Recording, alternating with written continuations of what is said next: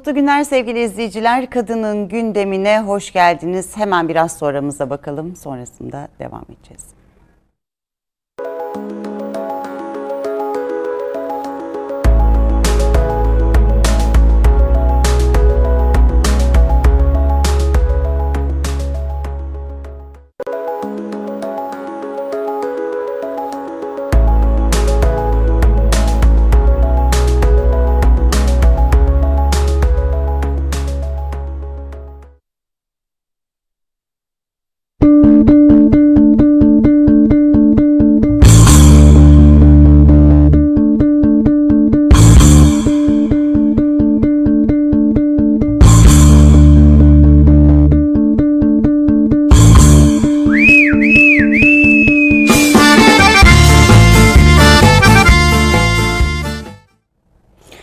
Evet sevgili izleyiciler bu görüntülerdeki cıvıl cıvıl genç kadının adı, öğretmenin adı Fatma Kabukçu. Fatma'nın en büyük sevgisi çocuklar, en büyük amacı çocuklara faydalı olmaktı.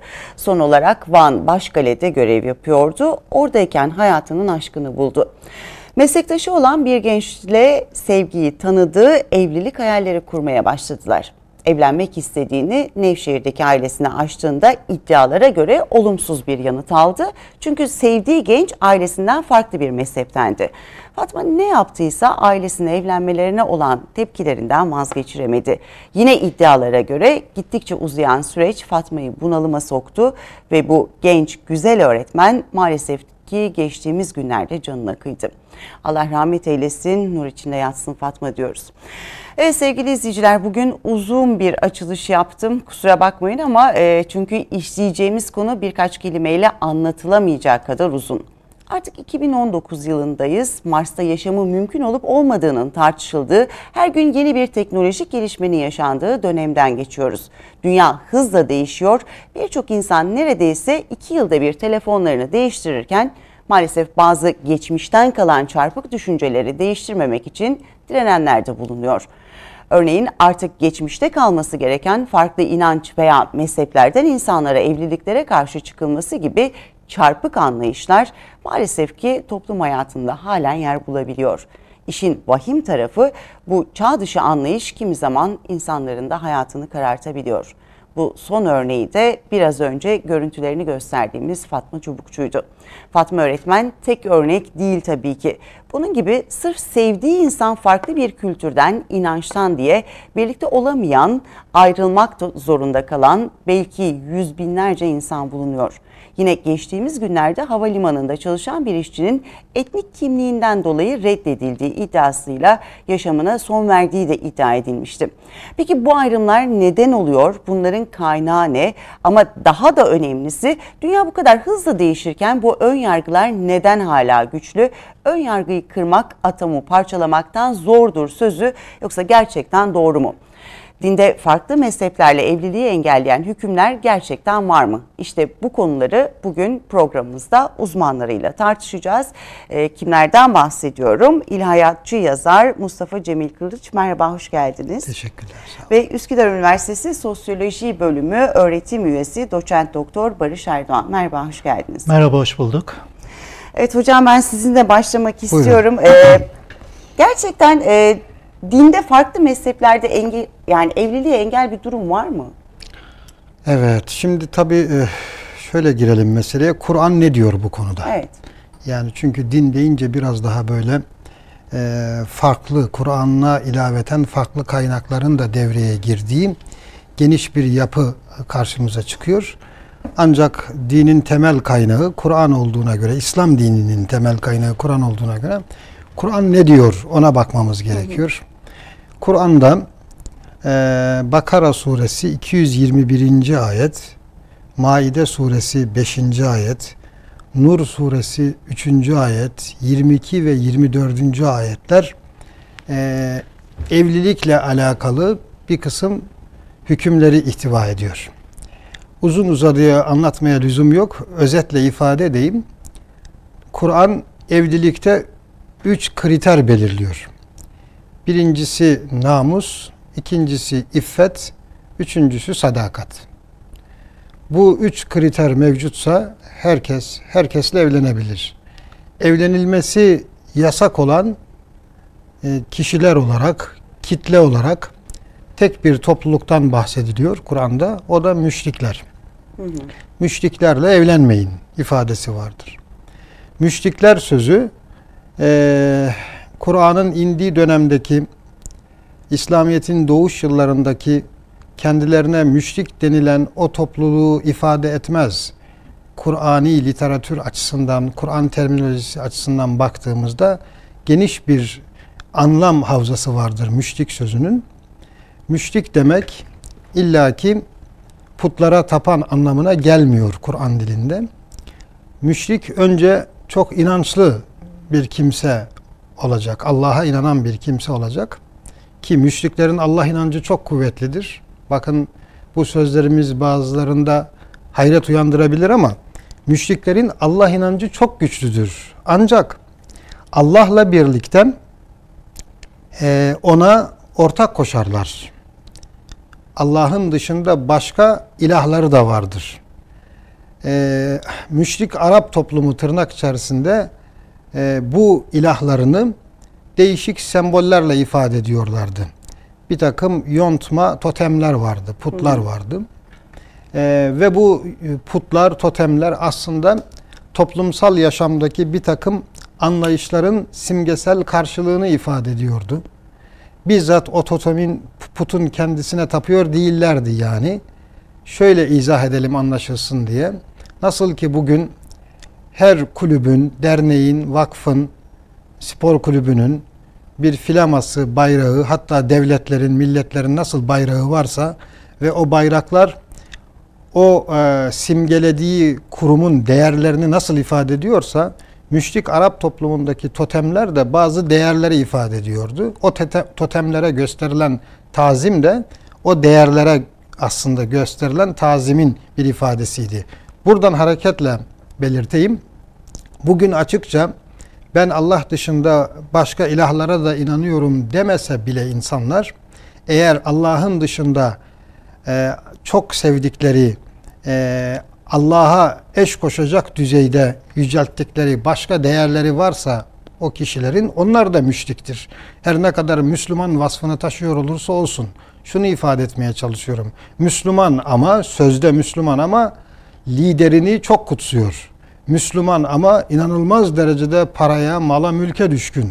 Müslüman ama e, bir takım alışkanlıklarından asla vazgeçemeyip o alışkanlıklarını neredeyse din gibi, iman gibi hayatında e, bulunduruyor. Hı hı. Onlar da müşrik kapsamındadır. Yani servet düşkünü, e, siyasi e, liderine düşkün, e, asla sorgulamayan, sorgusuz sualsiz itaat eden kimseler de ne kadar dilleri la ilahe illallah derse desin onlar da müşriktir. Kur'ani terminoloji açısından bakarsak. O halde buradan yola çıkarak söyleyelim. Kur'an'a göre sadece müşriklerle evlenilmez. Müşrik kimdir ona bakmak lazım.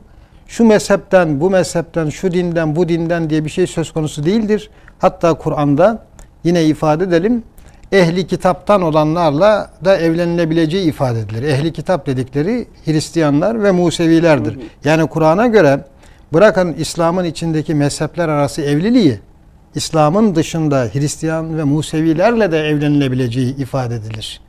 Kur'an Allah'a inanmayanlarla bile evliliğe izin verir ama Allah'a inanıp da ona ortak koşanlarla evliliğe izin vermez. Evet. Peki e, diğer farklı e, inançlarla olanlarla evlendiğimizde yani işte Hristiyan, Yahudi onlarla Hı. evlendiğimizde peki onların Müslüman olma gerekliliği yok mu? Yok hayır. Müşrik olmasınlar kafidir. Demin ifade ettiğimiz Anladım. şekilde. Yani Allah yerine koydukları başka ilahları, e, başka zaafları, servet düşkünlüğü gibi, otorite düşkünlüğü gibi vesaire vesaire. Yani insanların birliğini, eşitliğini, kardeşliğini gölgeleyecek ve engelleyecek bir takım anlayışlara sahip olmamaktır. Aslında bu onları putlaştırmaktan kastım şu. Servet düşkünü bir kimse neye yol açar?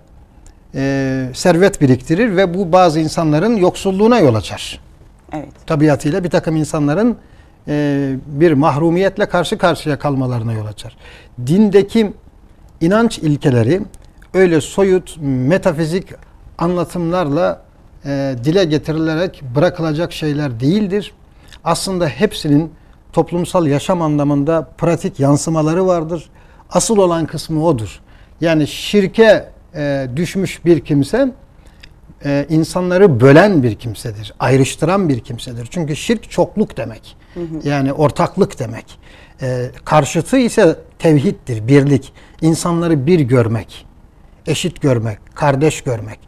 O nedenle mesela hangi ırktan, hangi dinden, hangi mezhepten olursa olsun iyiler iyidir diyor Hacı Bektaş Veli.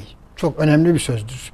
Hangi etnik kökenden, hangi ırktan, milletten, inançtan, mezhepten olursa olsun iyiler iyidir. İyi olan da müşrik olmaz zaten. Evet. İyi olan muvahhid olur. Allah'ın birliğine iman eder. Allah'ın birliğine iman etmek demek insanların, toplumların birliğini de savunmak demektir. Muhayyel, çok uzaklardaki bir tanrı, tanrıyı, Allah'ı zihninde ve gönlünde birlemişsin neye yarar? Eğer onun yansıması olan insanları birleyemediysen, eşit göremediysen, insanların arasındaki ayrımlara karşı çıkmadıysan o senin tevhid inancın da sağlam bir temele dayanmıyordur zaten. Asıl olan tevhidin sosyolojik boyutunu kavramaktır ve dinin bu şekilde anlaşılmasıdır. Lakin bu boyutuyla izah, izah eden e, pek kimseye rastlayamıyoruz. Çok az kişiye rastlıyoruz diyelim. Hadi biraz Evet. daha iyimser bir dil kullanmaya çalışalım. E, programın başında verdiğiniz örnek de aslında katı, yobaz bir bağnazlığın yansımasıdır. Bunun tarihsel sebepleri vardır elbette. E, yüzyıllara dayanan sebebi vardır. E, İslam tarihindeki mezhepleşmeler, fırkalaşmalar, cemaatleşmeler ve e, bu hadiselerin bir zaman sonra silahlı çatışmaya kadar, karşılıklı öldürüşmeye kadar yani mukatele, mukateleye kadar varmasın. Ee, daha sonra bazı mezhepsel yapıların e, siyasi otorite haline gelip devletleşmesi, karşı mezhepsel yapının devletleşmesiyle e, bir mücadele içerisine, siyasi rekabet içerisine girmesi, savaşa tutuşması sonucunda e, her iki yapı da kendi taraftarlarını e, iyice derleyip toparlayabilmek için karşı tarafın inanç durumuyla alakalı bir takım fetvalar verdirdiler kendilerine yandaş olan ulemaya. Dediler ki falan mezhep şöyle kafirdir, falan e, cemaat şöyle dinsizdir, şöyle ahlaksızdır biçiminde fetvalar verdirmek suretiyle ulema sınıfına e, kendi taraftarlarını e, toparladılar, derlediler. Bu verilen fetvalarda unutulup gitmedi elbette. Yüzyıllar içerisinde toplumda yayıldı ve bir takım anlayışlara sebep oldu. Bu anlayışlar neticesinde de kalkıp denildi. Açık konuşalım. İşte e, Sünni şöyle dedi. Alevi ile evlenilmez. Alevi de kalktı aynısını söyledi. Sünni ile evlenilmez veya Caferi ile işte şu mezhep bu mezhep çoğaltabiliriz bunu. Aynı durumlar e, Hristiyan dünyasında da yaşandı. Hatta Museviler arasında bile yaşandığını biliyoruz. Çünkü Musevilerin monoblok olduğu zannedilir. Öyle değildir. Musevilerin arasında da cemaat, tarikat benzeri bölünmeler, yapılanmalar vardır. Sayıca küçük bir topluluk olmalarına rağmen. Hristiyan dünyasında da bu çok şiddetli bir şekilde yaşandı. Hatta batıda mezhep savaşları oldu biliyorsunuz. 100 yıl savaşları, 30 Evet. yıl savaşları vesaire. Bunun belli ölçülerde İslam dünyasında da yaşandığını, İslam tarihinde de maalesef bu tip e, son derece menfi tecrübelerin e, deneyimlendiğini biliyoruz. Özellikle Osmanlı döneminde Yavuz Sultan Selim ile Şah İsmail Hatayi arasındaki mücadele, Osmanlı Safevi mücadelesi sırasında e, Osmanlı ulemasının kalkıp Aleviler e, hakkında e, son derece e, üzücü ve ileri boyutta e, ötekileştirici bir takım fetvaları bugün hala Türk toplumunda etkili olmaya devam ediyor. E, haberin başında verdiğiniz Evet. e, o e, üzücü hadise de aslında bunun aktüel manada hala nedenli e, kuvvetli tesirleri olduğunu bize hüzünle gösteriyor maalesef. Evet. Ki ilk başta da bahsettiğiniz Kur'an'da her şey bu kadar açıkken değil Açıkken mi? evet. Onu birazdan konuşacağız ama ben biraz da Barış Bey'e dönmek istiyorum. Şimdi biraz da işin sosyolojik boyutuna bakalım istiyorum. Siz ne dersiniz? Bu ayrımcılığın kaynağı ne? Sosyolojik olarak bakacak olursak. Ayrımcılığın kaynağına gelmeden önce hocam işin ilahi boyutunu, ilahiyatçı boyutunu anlattı. Ben biraz tabii ki daha farklı bir çerçeveden bakacağım bir sosyolog olarak. Önce bir tanımlar yapalım. Biz akademide böyle tanımlarla başlarız. Şimdi ilk önce bir karma evlilik denilen bir kavram var. Karma, karma evlilik nedir? Farklı dinsel, mezhepsel ya da dilsel, bazen ülkesel bazda farklı insanların bir araya gelip yaptıkları evliliğe biz karma evlilik adı veriyoruz. Toplumlar gitgide modernleşmeye başladıkça, küreselleşme artmaya başladıkça dünyada da karma evliliklerin oranları gitgide artmakta. Bu aslında ülkemiz içinde. Yani kapalı bir cemaat toplumuyken gitgide işte şehirleşme, göçler vesaire ile beraber farklı yerlerden, farklı coğrafyalardan gelen insanlar ülkemizde de birbirleriyle geçmiş dönemlere göre çok fazla olmasa da evlenmekteler. Mesela oranlar açısından bakacak olursak bugün Amerika Birleşik Devletleri toplumunda bu karma evlilik dediğimiz farklı milletlerden orada ırk kavramı da tabii daha çok çıkıyor renkler falan. Yüzde kırkların üstüne çıktı.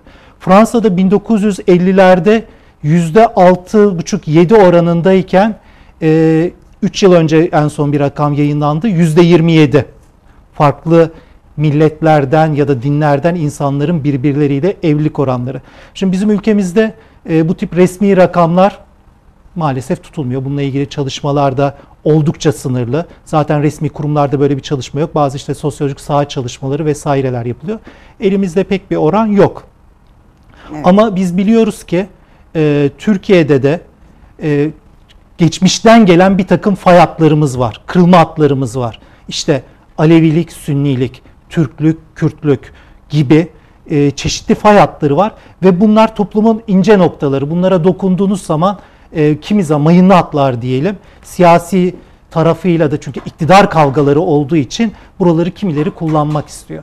Ve toplum üstünde de böyle bir baskı var. Efendim işte bir Türk bir Kürtle evlenirse ya da işte bir Alevi bir Sünniyle ya da tersi evlenirse e, soyun devamı, dinin devamı, çocukların devamında sanki bir bozulma olacak. O yüzden çeşitli şekillerde yasaklar, tabular konuluyor. İşin ilginç tarafı Türkiye'nin diasporası diyelim. Mesela Almanya'da, Fransa'da bir takım çalışmalar yapılmış. Evlilik oranları, böyle karma evlilik oranları Türkiye'den daha da düşük oranlardı. Resmen Fransa'da ya da Almanya'da daha bir tabu ortamına gelmiş vaziyette. Bunu niye diye soruyoruz? Çünkü yurt dışına çıktıkça yani ana e, merkezden, karasından, vatanından uzaklaştıkça insanlar kimliklerine daha fazla bağlanmaya çalışıyorlar. İşte Aleviliği, Sünniliği ya da Türklüğü, Kürtlüğü her neyse kendisine kimlik olarak belirlediği şeye daha güçlü sarılıyor ve karşısında olanı daha bir frenliyor, uzak duruyor. İşin ilginç tarafı yani Türkiye'den biraz uzaklaştım ama bir Türk bir Alevi'nin Sünni ile evlenmesindense bir Fransızla evlenmesi, bir Katolik Fransızla evlenmesi ya da tam tersi bir Sünni Türk'ün Katolik ya da Protestan bir yabancı ile evlenmesini toplum daha kabul edilebilir görüyor. Daha asimile edilebilir görüyor. Ama içinden olan çünkü bizden bizden ama evin içinden ama biraz da kapının dışında. O ne yapılacak? O bir soru işareti olarak orada durmakta. Şimdi bizde yapılan çalışmalara baktığımızda ise e, evlilik oranları şehirleşmeyle beraber sekülerleşmeye başladıkça toplum dinin e, insanlar üzerindeki etkisi gitgide azalmaya başladıkça, dini kültürel olarak yaşamaya başladıkça daha yumuşamaya doğru gidiyor. Yani şehirlerin merkezlerine doğru gittikçe, sosyoekonomik kültürel düzeyler artmaya başladıkça e, bu tip evlilikler, karma evlilikler sorun olmaktan gitgide ortaya çıkmakta. Peki bunlar evlendikten sonra niye bunların üzerinde bu kadar baskı var? Aslına bakacak olursanız ailelerden çok yani birinci annesi babası belki kabul edebilir. Sosyal damgalanma dediğimiz bir kavram karşımıza Evet. çıkıyor. Hani denir ya bizde çok vardır sosyolojide. Ya el alem ne der? Yani aslında biz sana izin veriyoruz ama işte konu komşu ne der? Şimdi konu komşu gerçekten bir şey diyor. Çocuğun ya da kadının anası babası bir şey demese işin içine amcalar giriyor, dayılar giriyor. Toplumsal kafalar. baskı. Daha sonra e, aile giriyor ve bir ömür boyu neredeyse bu damga o çiftlerin üzerinden gitmiyor. Şimdi aslında sosyolojinin temel konularından bir tanesi. Yani sosyolojinin ortaya çıkışından beri beraber nasıl yaşarız? Şimdi beraber yaş nasıl yaşarızın sorusuna ilk sosyologlar şöyle cevap bulmaya çalışmışlar ta Durkheim'dan beri. Tek tipleştirmeye çalışarak çok da işlevsel aslında baktığımızda. Hepimiz aynı dinden olsak, aynı mezhepten olsak, hatta daha daha dibine gidelim, hatta aynı tarikattan olsak neredeyse hiçbir sorun çıkmaz. Aslında büyük bir e, yanılmaca.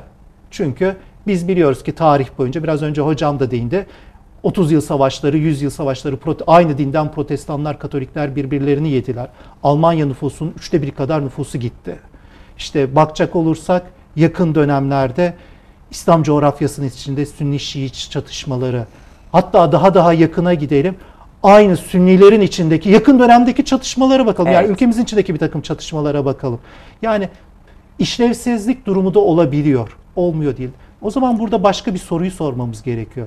Beraber nasıl yaşarızın e, nasıl bir yanıt vermemiz gerekiyor? Anlayış. Tabi burada bir takım sorular var, sorunlar var. İşte tamam biz gençlerin evliliğine karşı değiliz ama e, çocuğun dini ne olacak? Çocuğu nasıl yetiştireceğiz? Asıl aileler baskıyı bunun üzerinden kuruyorlar. Belki o ayrı bir soru olarak gelebilir. Şimdilik ben bu kadar Evet konuşayım. o çocuğu nasıl yetiştireceğiz? Gerçekten herhalde en büyük problemlerden de biri bu galiba değil mi hocam? Aslında- hani annenin mezhebine göre mi ya da onun dinine göre mi yoksa babanın mezhebi ya da dinine göre mi yetiştirilecek diye en fazla da dert edilenlerden birisi bence o. Bu aslında bize dini alandaki bir başka sapmayı da anlatıyor. Dine göre bir kimsenin inançtan eee, sorumlu, yükümlü olduğu çağ rüşt çağıdır. Rüşt çağına gelmem, gelmemiş olan bir kimseye e, bebekliğinden itibaren neredeyse çocukluğundan itibaren belli bir inancın telkin edilmesi, propaganda edilmesi e, aslında İslamiyet açısından söylediğimizde İslam'ın ruhuna uygun değil. Çocuk sadece İslam'a göre ahlaki eğitime tabi tutulmalıdır. Görgü kuralları öğretilmelidir. Ama herhangi bir inanç o çocuğa telkin edilmemelidir Kaç İslam'a göre. yaşından bahsediyoruz? Rüşt çağından yani 17-18 Evet, yaşına 17, kadar. 18. Hadi bunu biraz daha e, çekebiliriz. E, blue çağına çekebiliriz en fazla. O da 12-13 yaştır. 12-13 yaşa kadar bir çocuğa herhangi bir dini eğitim verilmemelidir. Zira dinin ruhu bunu yansıtıyor. Bunu söylediğimiz zaman sanki 12 yaşında 13 yaşındaki bir çocuğa o yaşa gelinceye kadar din eğitimi verilmesi yanlış dediğimizde sanki dine karşıyım. Hayır tam tersine din bunu istediği için biz bunu söylüyoruz. Aslında izah edemiyoruz mu yoksa anlamak mı istemiyorlar bilmiyoruz. Ee, onu henüz tam manasıyla analiz edebilmiş değilim açıkçası. Tekrar söylüyorum. O halde çocuğu hangi inanca göre yetiştireceğiz sorunsalı devreden çıkması gerekiyor. İslamiyet özelinde en azından. Çünkü rüşt çağına gelinceye kadar hadi kabul edelim blue çağı olsun. Blue çağına gelinceye kadar zaten çocuğa din eğitimi verilmemelidir. E peki o yaşa geldiğinde, rüşt çağına geldiğinde çocuk kendi inancını kendi seçip e, belirlemelidir. Belki ne annesininkini ne babasınınkini seçecek. Başka bir inanca sahip olacak. Belki inançsız olacak. Nasıl aileler onun adına karar verebilirler, söyleyebilirler? Ve onu nasıl eğip bükebilirler? Bu insani midir? Aslında insan hakları kavramı açısından bakıldığında yeni yaklaşımlar geliştirmek gerekiyor. Çünkü şu anki yerleşik insan hakları anlayışına göre e, çocuklar ailelerin felsefi ve inançsal e, düşüncelerine göre eğitim alma hakkına sahiptir gibi bir madde var biliyoruz. Evet. Çocuk Hakları Sözleşmesi. Ben insanlığın artık bunun da ötesine geçeceğini düşünüyorum. Geçmesi gerektiğini düşünüyorum.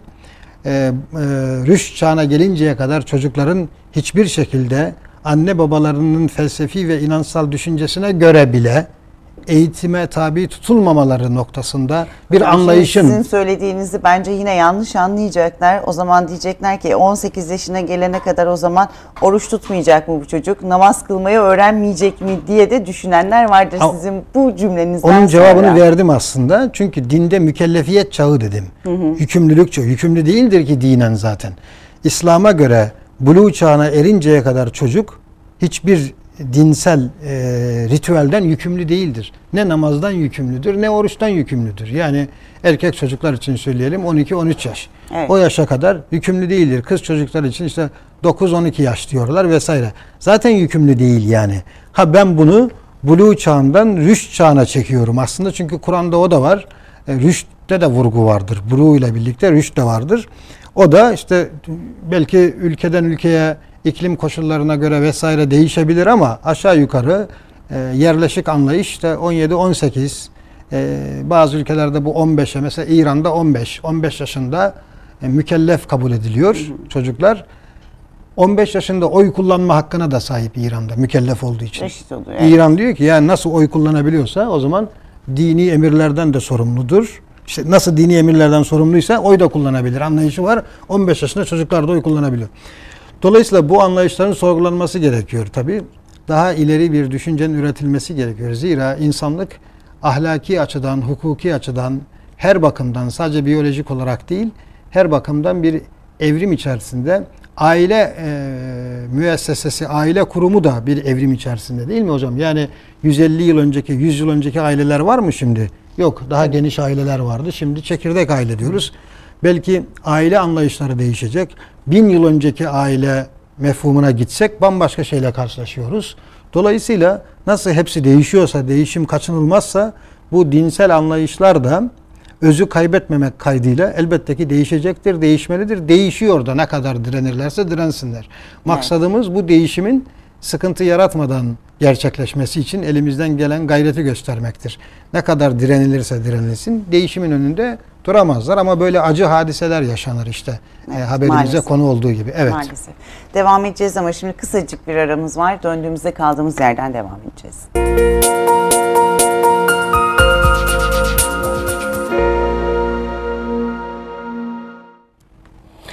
Evet sevgili izleyiciler kısacık bir aranın ardından kadının gündemi kaldığı yerden devam ediyor. Ee, Fatma Kabukçu öğretmenimizi anlatarak başlamıştım size yayınımızı. Ee, Şimdi Fatma Kabukçu'nun bir arkadaşı telefon attığımızda Melih Kuru. Ee, biraz da e, Fatma öğretmeni ondan dinlemek istiyoruz. Merhaba, hoş geldiniz yayınımıza. Merhabalar, merhabalar, iyi yayınlar. Çok teşekkür ederim. Evet, e, Fatma öğretmeni biraz da sizden dinlemek isterim. Çok idealist bir kadın, öyle görünüyor. Biraz da siz anlatır mısınız bize? Şimdi Fatma öğretmen, e, Fatma Kabukçu rahmetli arkadaşımız e, Manisa'nın Demirci ilçesinde beraber biz bir siyasi çalışma içerisinde e, olayları takip ettik. Kendisi inanılmaz derecede idealist, cesur, kesinlikle e, bu tür kavramlardan e, nasıl yenik düştü bilemiyorum ama e, çok güçlü bir insandı. Herkese e, mavi boncuklar dağıtan, kendi karşı taraftaki insanların umutsuz olduğu anda bile son derece etrafına umut dağıtan ve her e, umutsuzluğun arkasında bir zaferin olacağını, bir coşkunun olacağını düşünen bir arkadaşımızdı. Evet. Ondan dolayı bu intihar olayının e, kendisi e, bildiğim kadarıyla e, Kürt Alevi tarafından e, bir ilişkisi başladı. E, bununla e, evlenmeyi düşünüyorlardı. Fakat ailesi bu işlere karşı çıktığında kendisinin nasıl olduysa bir psikolojik bir ruhsal bir çöküntü içerisine girmiş. Hatta bir mektuptan falan bahsediliyor ama o mektubun şu anda savcılıkta olduğundan bahsediliyor. Ondan sonra ben bu olayları araştırma açısından e, buradaki bizim e, ilahiyat hocalarına falan başvurdum. Alevi Sünni pozisyonu aynısını programımızda takip ettim zaten. E, böyle bir olayın olmadığını ama maalesef e, karşı tarafın e, ailesinin, e, Fatma'nın ailesinin e, büyük bir cehalet içerisinde maalesef e, Fatma'mızı e, değişik psikolojik baskılara yenik düşmesine sebep olduklarını düşünüyorum. Ve yaşamına nasıl olduysa son verdi. Acımız çok büyük, kaybımız çok büyük. Evet ben de size bir kere daha e, başınız sağ olsun diyorum. Yayınımıza katıldığınız için de çok teşekkür ediyorum. Çok sağ olun. Ben teşekkür ederim. İyi yayınlar diliyorum. İyi çalışmalar. Çok sağ olun. Teşekkürler. Evet, gerçekten bu kadar idealist bir kadın e, öğretmenlik yapmak için Van'a kadar gidiyor. Orada Başkale'de işte çok da fazla diyecek bir şey yok. Ee, Barış Bey şunu da sormak istiyorum. Ee, az önce e, hocam da anlattı işte en çok çocukların durumu ne olacak bu mezhepsel ve e, farklı inançlarda, evliliklerde diye. Bir de bunun sosyolojik boyutunu da tabii sizden dinlemek isteriz. Şimdi sosyolojik boyuta o konuya girmeden önce biraz telefon bağlantısıyla Tamam. ilgili bir iki bir şey söylemek istiyorum. Aslında literatürde maalesef bu acı intiharın adı kaderci intihar. Yani birey içinde yaşadığı toplumsal normların baskısı altında çıkacak başka bir yol bulamayınca hiçbir başka kurtuluşu yok. O zaman intihar yolunu seçiyor. Çeşitli intihar e, çeşitleri vardır Durkheim'in sosyolojisinde. E, Durkheim bunu şeye benzetir. E, Amerika Birleşik Devletleri'ndeki köle intiharlarına. İçindeki sosyal baskıdan çıkamaz, başka çıkışı yoktur. Bu öğretmenimiz de maalesef benzer bir durumu yaşamış. Aşkın içinde toplumsal baskı var, aile baskısı var, çevre baskısı var. Bir çıkış yolu bulamamış ve maalesef intihar etmiş. Evet. Şimdi şey çocukların durumuna gelecek olursak aslında çocuklar toplumda yani aile içinde daha doğrusu diyelim eğitimde annesi bir rol modeldir. Genelde bizim klasik çekirdek aile modelinde baba ev dışında olduğundan, ev alanının dışında çok fazla yer almadığından, çocuklara e, duygusal olarak çok fazla e, bir katkı sağlamadığından, çok fazla diyor, bir miktar diyelim hmm. sağladığından, e, annenin rolü önemli. Yani annenin mezhebi neyse çocuklar birazcık o mezhebe, o meşrebe doğru daha yatkın oluyorlar. Ama Türkiye'de tabii bir takım e, spesifik durumlar da var. Nedir? Çocuk ister annesi Sünni olsun, ister Alevi olsun ya da başka herhangi bir şey. E, toplumsal hayatın içinde Sünnilik çoğunlukta. Oransal olarak en az işte %78-80 falan oranlar belki biraz daha da fazla olabilir. Oranda. Sadece sayısal bir çoğunluk yok burada. Aynı zamanda siyasi literatürde sayısal çoğunluğun yanı sıra siyasal çoğunluk dediğimiz bir kavram daha var. Yani sayısal olarak çoğunlukta olmazsınız ama kültürel alanda, siyasi alanda baskın ve etkin olursunuz. Hı hı. Türkiye'de hem sayısal çoğunluk var ama aynı zamanda bir Diyanet İşleri Başkanlığı kurumu var. Bütün e, kurumu işte camileriyle, eğitim kurumlarıyla. E, okullarımızda zorunlu din de, e, dersi var. Burada da genelde Sünni mezhebine uygun bir şekilde eğitim verilmekte. Buna karşılık e, Alevilik özellikle göç dalgalarından sonra e, kurumsal gücünü kaybetti. Zaten yerleşik bir kurumsal yapısı yoktur. İşte cemevleri, işte dedeler, babalar şeklinde bir yapısı var ama resmi bir yapılanma, hiyerarşik yapılanma vesaire olmadığı için ve kent ortamında da bunlar iyice dağıldığından e, bir Alevi genci e, sahip çıkacak diyelim, dinsel olarak bir takım ona eğitimler verecek, e, kurumlar ortada yok. Şimdi böyle olduğu için de genelde gençler yani böyle karma evliliklerin içindeki çocuklar diyelim evde ne eğitim almış olurlarsa olsunlar sosyal hayatın içinde çoğunlukla kendilerini Sünni mezhebine yakın ya da o isimle adlandırıyorlar. Yani çoğunlukla tabii bu. Ama hani işin bir de meşrep kısmı var. Yani işte davranışları bunda ise daha çok evde işte anneden, işte babadan aldığı belki Sünni gibi davranıp işte Sünniliğin genel e, kurallarını hayatın içinde gerçekleştiren işte namaz, oruç vesaire hı hı. ki Aleviliğin içinde de vardır bunların kısmı. Ama meşrebi kısmında e, Alevi gibi davranan, daha e, seküler e, tarzda bir yaşam tarzı olan insanların ortaya çıktığını bize çeşitli araştırmalar gösteriyor. Yani burada esas olan e, devletin kurumlarının, Ayrıca toplumun genel normlarının sünnilik bazında ülkemizde daha güçlü olması bu nedenle de insanların kamusal alanda en azından kendilerini çoğunlukla bu karma evliliklerin içinde sünni olarak adlandırmaları şeklinde karşımıza çıkıyor. Evet.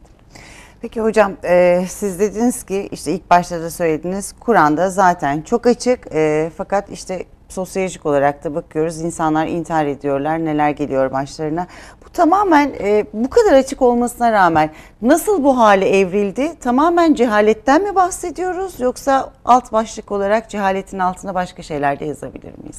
E, cehaletle ilgisi yok aslında. E, hep o söylenir. Bir takım problemlere e, teşhis koyarken en çok kullandığımız sözdür. Ya da en basiti ve en kolayı galiba e, değil o mi? O belki işimize gelir cehalet deyip biraz da e, sorunu hafifletmeye dönük e, sorunun belki yakıcılığını daha katlanılabilir hale getirmeye dönük bir çabayı yansıtıyor. Cehalet e, mefhumuyla meseleye yaklaşmak. Bu e, İslam'da mezhepleşme e, ve insanların fırkalaşıp birbirlerine karşı cephe alması başlangıçta siyasi sebeplere dayanıyor. Siyaset deyince elbette ki bunun temelinde e, iktisadi menfaat e, hemen devreye giriyor. İnsanlar siyasal anlamda neden bir rekabet içerisine girerler? İşin özü iktisadi bir menfaati elde edebilmek için aynı zamanda psikolojik, duygusal anlamda üstünlük sağlayabilmek için, egemen olabilmek Hı hı. için. Ee, mezhepleşmelerde de bunun çok etkili olduğunu görüyoruz. Başka türlüsü de zaten aslında mümkün değil işin hakikatine gireceksek. Literal anlamda söylemek elbette ki kolaydır. İşte şu konuda farklı inanıyor, bu konuda farklı inanıyor. Bütün inançlar e, toplumsal yapıyla alakalıdır. Toplumun yapısı neyse o toplumun inancı da ona göre şekillenir. Bakın İslam'ın doğuşunda da bu böyle. Biraz lafı uzatıyorum galiba. Yok, ben çok geniş alırım meseleleri. Ee, e, şöyle ifade edeyim.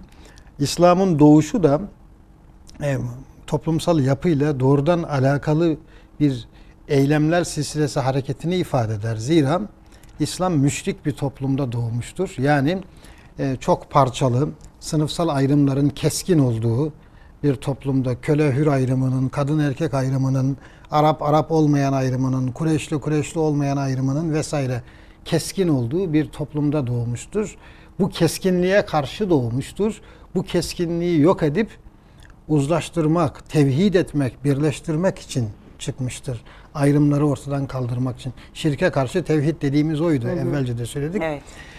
Dolayısıyla daha sonraki süreçte mezhepleşmelerde de bunu görüyoruz.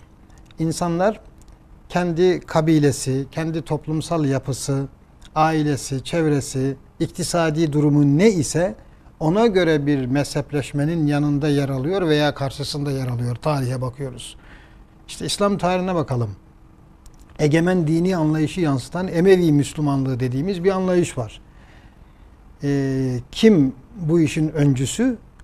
Varlıklı ve geçmişten bu yana e, toplum üzerinde tahakküm kurma kabiliyetine sahip Emevi sülalesi, Arap e, aşiretlerinden en önemli aşiret diyebileceğimiz Kureyş Kabileler Konfederasyonu'na bağlı bir kabile. Emevi, Ümeyye oğulları. E, ondan yana konumlananlara bakıyoruz. Onlardan istifade etmek isteyen, gücünden istifade etmek isteyen, görece biraz daha varsıl veya yoksul da olsa o varsıllıktan pay almaya çalışan kitleler orada kümelenmiş. E, merkezi otoriteyi esas alan bir e, dinsel anlayış. Öbür tarafta Haşim oğullarını görüyoruz. Peygamber sülalesini, işte onun devam ettiricisi peygamberden sonra Ehli Beyt dediğimiz Hazreti Ali ve onun evlatları. Onlarda da bakıyoruz görece daha yoksul ve ötekileştirilmiş, dışlanmış kesimler Hazreti Ali'den ve onun evlatlarından yana oluyorlar. E, ve e, hakikat şu ki İslam tarihi boyunca da bu karakter, bu mizaç hiç değişmiş değil, bu toplumsal mizaç. Bir tarafta ezilen mazlum, mustazaf Müslümanlar, öbür tarafta egemen, varsıl ve otoriter Müslümanlar. Otoriter, egemen Müslümanlığı temsilen Emevi Müslümanlığını görüyoruz. Bunun Abbasiler yoluyla devam ettiğini, Selçukiler yoluyla, Osmanoğulları yoluyla devam ettiğini görüyoruz. Ama öbür taraftan mazlum Müslümanlık hareketi, Hazreti Ali, imamlar, daha sonra Emevi Sünniliğine karşı Ebu İmam-ı Azam Ebu Hanife Sünniliğini görüyoruz. O da e, mazlumların önderi, e, akılcıların fikir hürriyetinin önderi Ebu Hanife kendisi bireysel anlamda varsıl olsa da onu destekleyenler özgürlükçü kitleler. Ee, İmam-ı Azam Ebu Hanife Sünniliği diyoruz. Mesela Sünnilik monoblok değildir. Bir Emevi Sünniliği vardır. Bir de Hanefi Sünniliği.